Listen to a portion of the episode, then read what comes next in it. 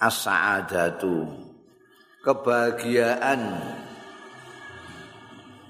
Mahtalafan nasu ora sulaya ora berbeda pendapat sepaan nasu menusa fi tafsiri amrin ing dalem nafsiri perkara. Ikhtilafahum kaya sulayane nas fi tafsiri sa'adati ing dalem nafsiri kebahagiaan. Banyak hal yang orang itu beda pendapat mengenai tafsirnya tapi tidak ada yang lebih nemen melebihi tafsir tentang kebahagiaan. Ini muni ngene kene muni bahagia adalah bahagia adalah. Pirang-pirang. Zalika utang kena apa kok ngono iku? Zalika utai mengkono-mengkono perbedaane orang terhadap tafsirnya saadah begitu banyak. Li anna karena setune saadah. Iku minal asyai termasuk perkara-perkara anisbiyah sing bangsa relatif. Relatif itu nek nisbate kowe bahagia. Mangan sambil terong bahagiamu setengah mati. Eh, bagi orang lain iku apa pakanan ngono iku? Blas ora bahagia blas. No ngono wong sing apa ora tau ning pondok semara ning pondok ndelok santri guyang-guyu ngeduk liwet iku nangis ya Allah Muga anakku gak ngene ya ya. Iku beda-beda pandangan bahagiane dene mbok piye. Wal umuril idhafiyati lan perkara-perkara sing idhafi. Iki bil idhafah ning gone kowe apa bil idhafah ning aku? Nek nang aku ora bahagia ngene iki. Fahiyya laisat minal khairil mujma'aleh. Fahiyya mongkau ta'i sa'adah. iku lae satu ora ana ya saada ora ana iku minal khairil mujma'ale termasuk kebaikan sing dibuk sepakati bersama mujma'alai sing disepakati apa alai al wa inna hiya angin gustine saada iku khairun bagus bil idhofati kelawan diidhofake ila sahsin ingat maring seorang ro'aha kang ningali ya sahsin ha ing eh saada kadzalika kaya mengkono-mengkono khair man. Jadi nek dia melihat itu bahagia. Gitu.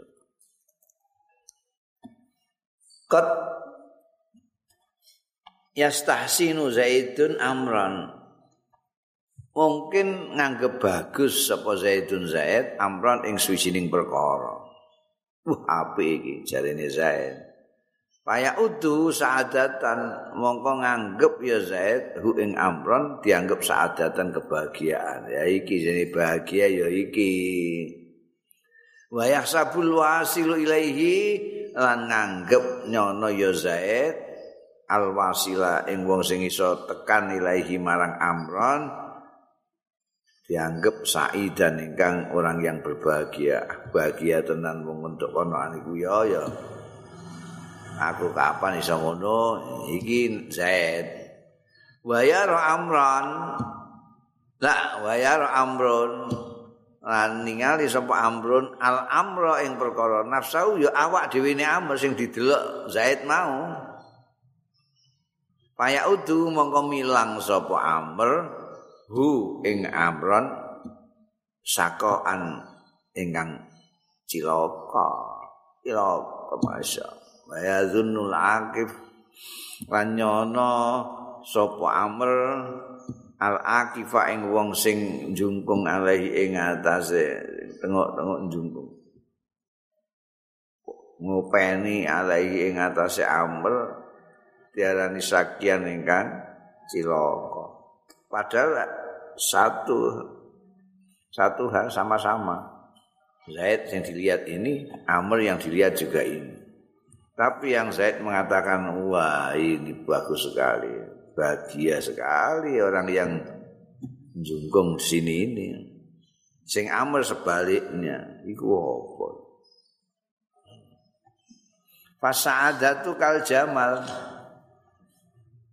Fasada tu mongko te kebahagiaan itu kal jamal kayak kecantikan. Kecantikan juga gitu perkara yang nisbi.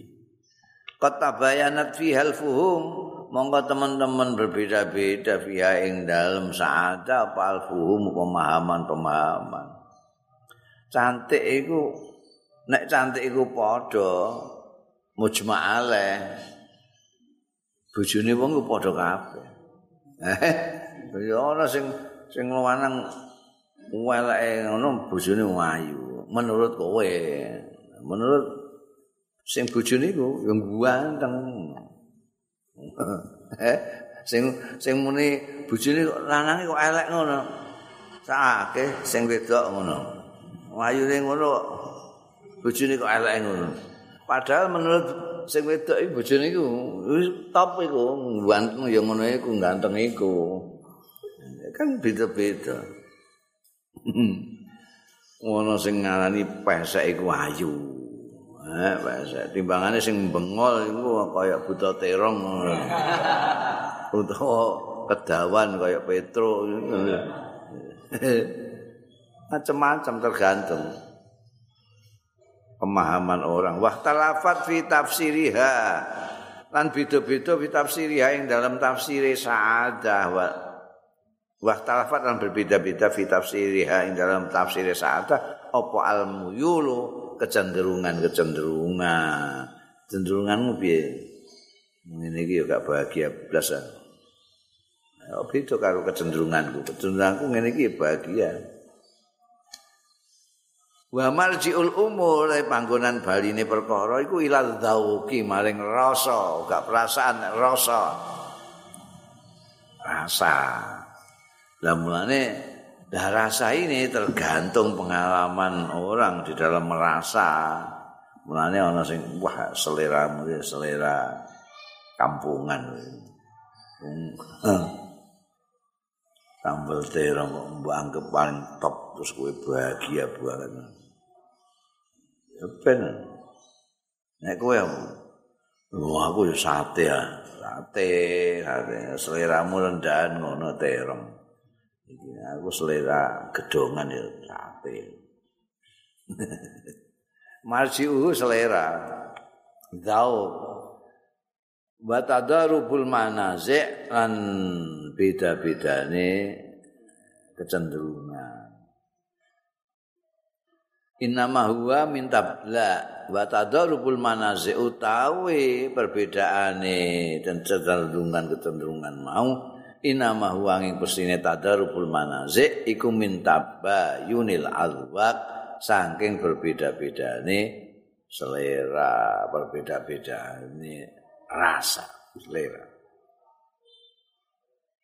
Paminan nas mongko iku setengah saking manusa man utawi wong yaro sing ningali ya man asaadata ing kebahagiaan fitabassut fil ma'akil ing dalem ah tabassut tabassut itu tawassuk apa jenenge berluas-luas berjembar-jembar jembaran jembar ora iso menggelar apa jenenge fil ma'akil ing dalem panganan-panganan wal masruf. Wah iki apa ya mbok sugono masalah ana tempe, tahu, ikan laut, ikan kali, sate, wak pitik. Wah, wak pitik. Isih ana apa iki? Sate kelinci, masyaallah. Ndas wedhus, wah, masyaallah. Iku tabasut fil ma'akil. kowe bingung nganti sing tak pangan iki sing endi? Enak kabeh. Ana sing ngono iku bahagia. Wah ini. Dunia tenan iki ngono. Masya Tabasut fil ma'akil. Wal masraf dianggap kebahagiaan. Ada Awil lahwi awil malbas. Wah terus apa jenenge? Ono bene segala aliran ana metale ana dangdute eh? Ana ketoprake ana tayubane. Wah wis iki betul-betul bahagia iki. Awil malbas utawa pakaian ana wong sing gila anu pakaian iku. Artis-artis masyaallah. Artis-artis. Iku pakaian iku ana sing jutaan. Mau tinggu ping pisan pindu. Itu tabah. Bahagia ini bahagia. Kowe ya rada iki wong edan. Mesti ngono ya. Oh pakaian rego 5 juta mau tinggu sepisan kan wong edan tapi mungkin ini, oh, itulah kebahagiaan. Pakaian yang Masya Allah. Tabasud fil malbas. Autam diatil wakti fil manazih wal malahi. Ono ne. Sing ngarani apa kebahagiaan itu menghabiskan waktu fil manazih ing dalam tempat-tempat wisata wal malahi lan panggonan-panggonan lelahan. Wah, ning Bali bahagia sekali. Ning Eropa, Singapura, ndelok net club, iku baru bahagia itu ana sing ngono. Wa minhum iku setengah saking manusa nas manutai wong ya roh kang ningali ya manha ing saadah fi kasbil mal ing dalem golek bondo. Wa habsihi lan nyimpen bondo fi sanadiki ing dalem peten-peten. Ana sing wong iku ora kok nek awak-awakan sing gak duwe kan duwe iku perlune ben iso ditasarupno nggo macam-macam gitu. Tapi ana wong bisnismen iku Ndekne bahagiane ya ning gone golek duwike iku, ora kok nggunakno duwike. Golek iku, golek rada angel tasil semenenge ra karuan. Ya itu ora ditasarno disimpeni brangkas ini. Wah, iku mulane terus kartu kredit macam-macam iku. Mulai kopi BCA, BNI, BRI sampean bank daerah. Oh, pirang-pirang iku senenge dene. Terus didelok-delok ngono kartune iku. Iki wah isine iki pira iki ngene sini pira. Besok golek neh senengane bahagiane ning golek iki. Wa minhum min setengah saking nas man utahe wong yauduha sing milang ya manha ing saadah fil mutalaati wal mudarasa ing dalem mutalaah ini terus diwian maca kita berkelana melihat pemikirannya ulama-ulama zaman biyen Imam Ghazali biyen Imam Syafi'i biyen Wih, wasik wis bahagia ndak ada seperti itu. Dijak segala macam murah aku lagi maca iki Masya Allah. Pengalaman pengalaman hidupnya Syekh Abdul Qadir Jailani wah wal mudarasah lan mudarasah musyawarah ilmiah. Kan iku bahagia banget iku buakas perkara eh? masalah-masalah iki apa? Golek ini kita makhluknya apa? Jika kondi wah sewenang bahagia banget. Ngantek subuh Basul masail nganti subuh. Saya merasa nikmat itu. Eh? Wal ghausulan nyilem ala duraril ulum ing atase mutiara-mutiara ilmu itu ada juga yang bahagianya gitu. Kayak Imam Nawawi itu wis ada waktu untuk selain baca, nulis, baca, nulis. Wal bahsian muka maknunatil adab lan menyelidiki membahas an maknunatil adab sing kandungan-kandungane sastra budaya. Ana neh. Wa minhum lan iku setengah saking nas manutai wong yaksabu sing nyono ya man ana seduhune bahagia iku fit takhalli an hadzal alam yen nyepi an hadzal alamil fani saking alam sing fana iki. Dunya iki apa artine iku padha karo batang. Wis ditinggalno dunya ini sama sekali. Ana sing ngono iku wa zuhdilan zuhud fi matahwi hadil basitah min mataiha zuhud ora gelem fi maing dalam barang tahwihi ora kemantil fi maing dalam barang tahwihi sing mengku ing ma apa hadil basitah iki gelaran maksudnya dunia iki lho gelaran sing jenenge dunia min mataiha saking keenaan-keenaane hadil basitah. Hadil basitah itu maksudnya dunia ini. Gelaran kehidupan. Wa minhum iku setengah saking nas man utahi wong yaroha kang ningali kang berpendapat ya man ha ing saadah fit tasalluti wal athara. Ing dalam berkuasa tasallut berkuasa wal atharatilan athara monopoli wah ini semua saya di monopoli sepuluh dipek dewe wong gak untuk melok-melok wah buang gak bahagia banget. Wah ini sudah saya miliki saya ini pulau ini. Jadi orang kalau mau ke sini harus nyewa saya. Wah seneng.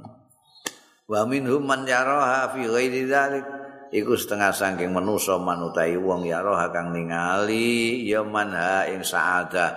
Fi ghairi dzalika ing dalem liyane mengkono mau kabeh minal manazi saking kecenderungan-kecenderungan wal masyaribilan angkleh-angkleh.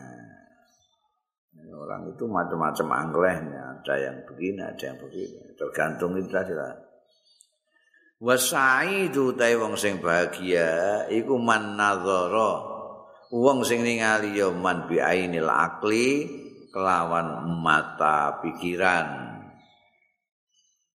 wahtatta lan menggariskan ya sa ya man li nafsi kanggo awak dhewe ne man khuttatan ing garis wasaton sing tengah-tengah yaslukuha sing ngambah ya man ha ing khutah garis teng di garis pas tengah-tengah itu tahu dilalui dia ini yang bahagia.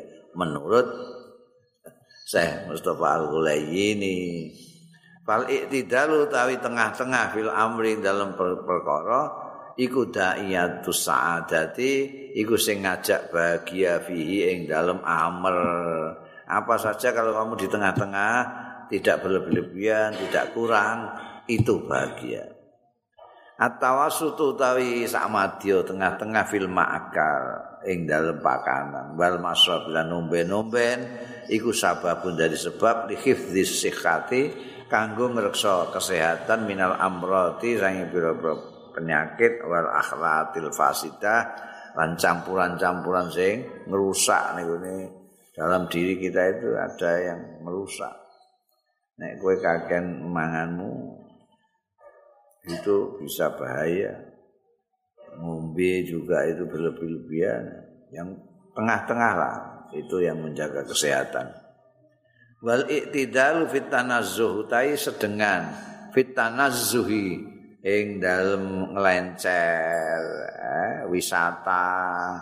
Walahwilan lelahan. Lelahan itu ana musik ndelok bioskop barang ngono kuwi. Nek iku sedengan ngono ae, da'iyatu sururin nafsi, iku iso ngajak gembirane jiwa. Wa nasatil jismi lan trengginase awak. Nek sedengan, ya. Wa fital kiha nek mbok tinggal blas ing dalam tinggal tanazo sak piturute mau ingkibadua utahe ingkibat sumpeke nafas kowe serius terus serius agak tahu rekreasi ora tahu apa. Wah kowe terus jekutut jetutut. Wa fi ziyadati minha. Tapi nek kekakean.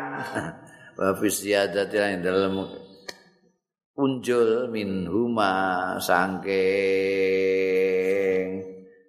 tanazzuh wal lahwi. Wa fi ziyadah min huma iku takwiduha iku iso ngulinakno ing nafas al kasala ing malas wal khumulilan kumul asarasun wal maila ilal mafasid lan cenderung ilal mafasid maring kerusakan-kerusakan iku nek kakean rekreasi kok saben dina ya itu khayal itu hanya untuk selingan saja supaya tidak sumpek ya. Wal iktisadu fi kasbil maltai sedengan tengah-tengah fi kasbil maling dalam golek bondo. Golek ya sedengan wa badlilan nguwehnone mengorbankan mal. Golek ya sedengan to inasarupno ya sedengan. Iku yahdi nuduhake ya al iktisad ila wujuhil khair marang segi-segi kebaikan fi maksabi ing dalem gaweane wong. Wa talqis syarahi lan tinggal apa jenenge tinggal tamak serakah fi jam'ing dalem ngumpulake mal min khili saking halale mal wa ghairi khililan ora halale man.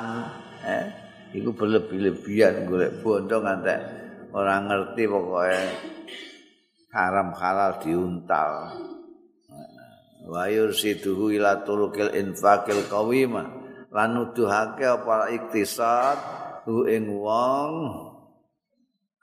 ila turukil infaq maring dalan-dalan nafakohake bandane alqawi mati sing jejeg. Nah iki lho dalan sing jejeg.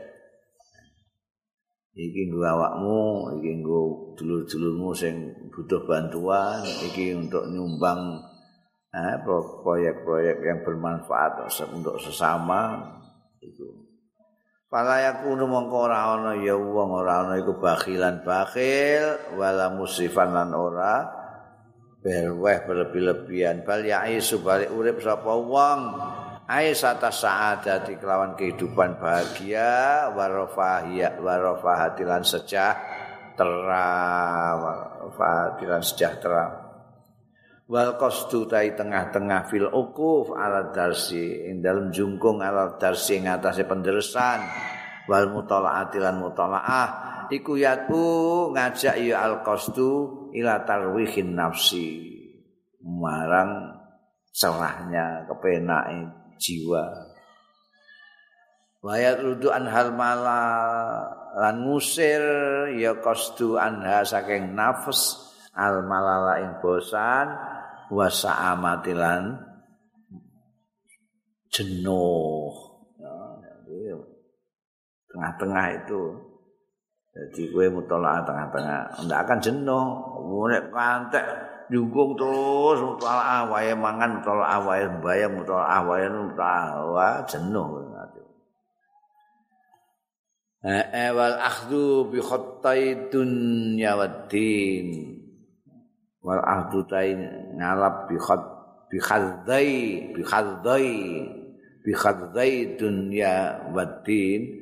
kelawan jatah lorone dunya lan agama jatah dunya yang mbok jikok sithik agama ya iya wa tamasuk lan cekelan bima kelan barang yurabi sing iso didik al jismaing jisim bayu naimu lan iso ngepenakno ya ma ing jisim wayu hadzibul aql lan iso ngapikake no.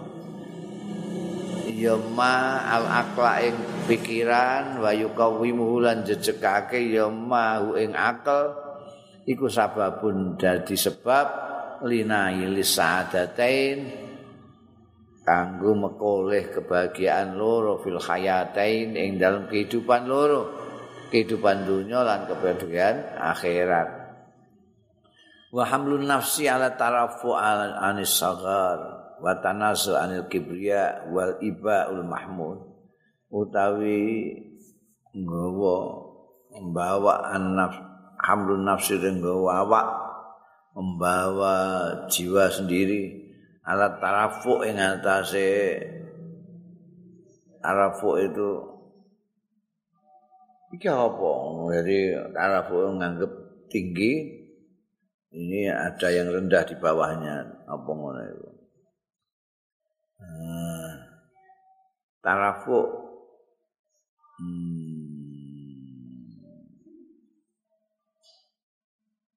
Mengangkat diri anis sagari saking perkara-perkara sing cilik sing empreh temeh yo wa tanazuilan sesuci membersihkan diri anil kibria saking gumede ngurusi sing cilik-cilik sing ora ana gawene iki ndekne ya mah. Tapi gumede ya gak hmm, itu itu jiwa yang begitu itu yang wa utawi hamlun nafsi ngono mau iku al iba al mahmud iku sing jenenge gengsi atau harga diri yang terpuji. Ono wong sing nganggep harga diri itu kalau dia sombong. Ini tidak bukan sombong. Sombong tidak, tapi dia tidak mau melakukan hal-hal yang sepele-sepele yang tidak ada artinya. Wa huwa utawi al ibaul mahmud iku syarafun kemuliaan lin nafsi kedua jiwa azimun sing wagung di anahu yarba bin nafsi di anahu krono pak krono al ibaul mahmud iku yarba'u ngangkat ya al ibaul mahmud bin nafsi kelawan jiwa ngangkat antas takin alidoim yento tunduk eh, tunduk lidoimi marang penindasan. Wayak simuha lan jaga ya al ibaul mahmud ha ing nafs antamida lihtiqarin nas yen to sengaja ya nafs lihtiqarin nas kanggo ngremehake merendahkan orang menghina orang lain. Mulane ibak mahmud itu dianggap merupakan syarafun lin nafsi azim karena dia menjadikan orang itu tidak mau tunduk dengan pemaksaan, dengan penindasan, tapi dia sendiri tidak merendahkan orang lain. Autamila ila tadlilihim utawa cenderung ya nafus ila tadlilihim maring ngasorake nas. au tajnah utawa condong ya nafus lil istiqsar maring monopoli bil marafiki kan pira-pira kepentingan wal manafiilan pira-pira kemanfaatan bangkune aku mbok kon ngono iku iku ibak itu gitu jadi misalnya iki ning sawah terus aliran irigasi ini mbok sok ning sawahmu tok. Liyane mbok tutup galengane dadi gak entuk banyu kowe tok sing entuk. Iki jenenge istighsar bil marafiq wal manafiq. Iki kan untuk kepentingan umum. Kok mbok pek dhewe iku monopoli. Wa fi ma taqaddama lain dalam barang taqaddama kamu dhisik min majmu'i hadhi tawassutat eh nyatane kumpulane iki iki tengah-tengah. Wa ghairu halan liyane majmu'a di tawassutat makisun alaiha di kiasno alaiha. Ing atase majmu'a di tawassutat wa fi mata qaddama lan iku ing dalem sing wis dhisik diterangno dhisik min majmu'a di tawassutat wa ghairuha makisun alaiha sa'adatun utawi kebahagiaan lil mutakhalliki kedue wong sing berpekerti biya kelawan majmu hadit tawasuta tengah-tengah saja tengah-tengah lomo. Taj'alun dadekake ya majmu hadit tawasuta hayatahu ing kehidupane mutahallik biha fihana atin ing dalem kepena wa aisyatun taj'alu hayatahu fi hana'in wa aisyahu lan dadekake kehidupane mutakhalliq fi raghatin ing dalem sejahtera. Paman arada mongko sapane wong arada kang ngarepake ya man ayakuna yen to ana ya man ana iku saidan bahagia fi nafsi ing dalem awak dhewe man wa ahli lan ahli man wa mali lan bandane man wa waladilan anake man wa kulli amalin ing dalem saben-saben amal minak mali sing amal-amal man wa alaihi mongko wajib ing atase man. Mongko iku wajib ing atase man ayat tatallaba utawi yen to mencari ya man sa'adata ing kebahagiaan fi qasti sabili ing dalem tengah dalan. Ha sapa wae lah sing kepengin kebahagia? Apa dalam dirinya sendiri keluarganya semua anaknya segala macam. Carilah qastil amal tadi. Khairul umur ausatuha wal yaj'al dalilahu ila dzalika din wa ja'alan supaya dadekake ya man. Dalilahu ing dalile man ila dzalika maring mengkono-mengkono kebahagiaan mau dadekake adina ing agama. Nggo ngetahui ini tengah-tengah apa enggak?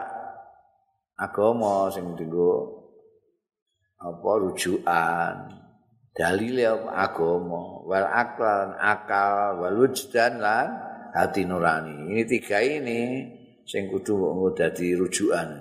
Agama akal dan hati nurani Fahuna mongko utai din akal lan wujdan iku khairu dalilin. Luwe bagus-bagus e gaib dalil itu gaib kamu kalau mau wisata kemana-mana terus ditutno kalau wong sing nerang-nerang no iki dalan iki menuju ke gua anu ini naik ke sana mau iku gaib gaibmu yang paling apik adalah agama akalmu sendiri dan nuranimu sendiri. Supaya bahagia inna tariqa sa'adati sedune dalan kebahagiaan ayuhan nasul karim eh anak muda yang baru tumbuh sing mulya amamaka iku ana ing ngarepmu Jalan kebahagiaan ada di depanmu. Fatlub ha mongko golek sira ha ing sa'ada fil ilmi dalam ilmu wal amali lan amal as-salih sing saleh. Fatlub ha fil ilmi wal amali salih lan amal saleh wal akhlaqil fadilati lan akhlak sing utama. Wa kun lan ana sira fi kulli amrika ing dalam saben perkara ira ana iku wasaton tengah-tengah takun mongko ana sira ana iku sa'i dan bahagia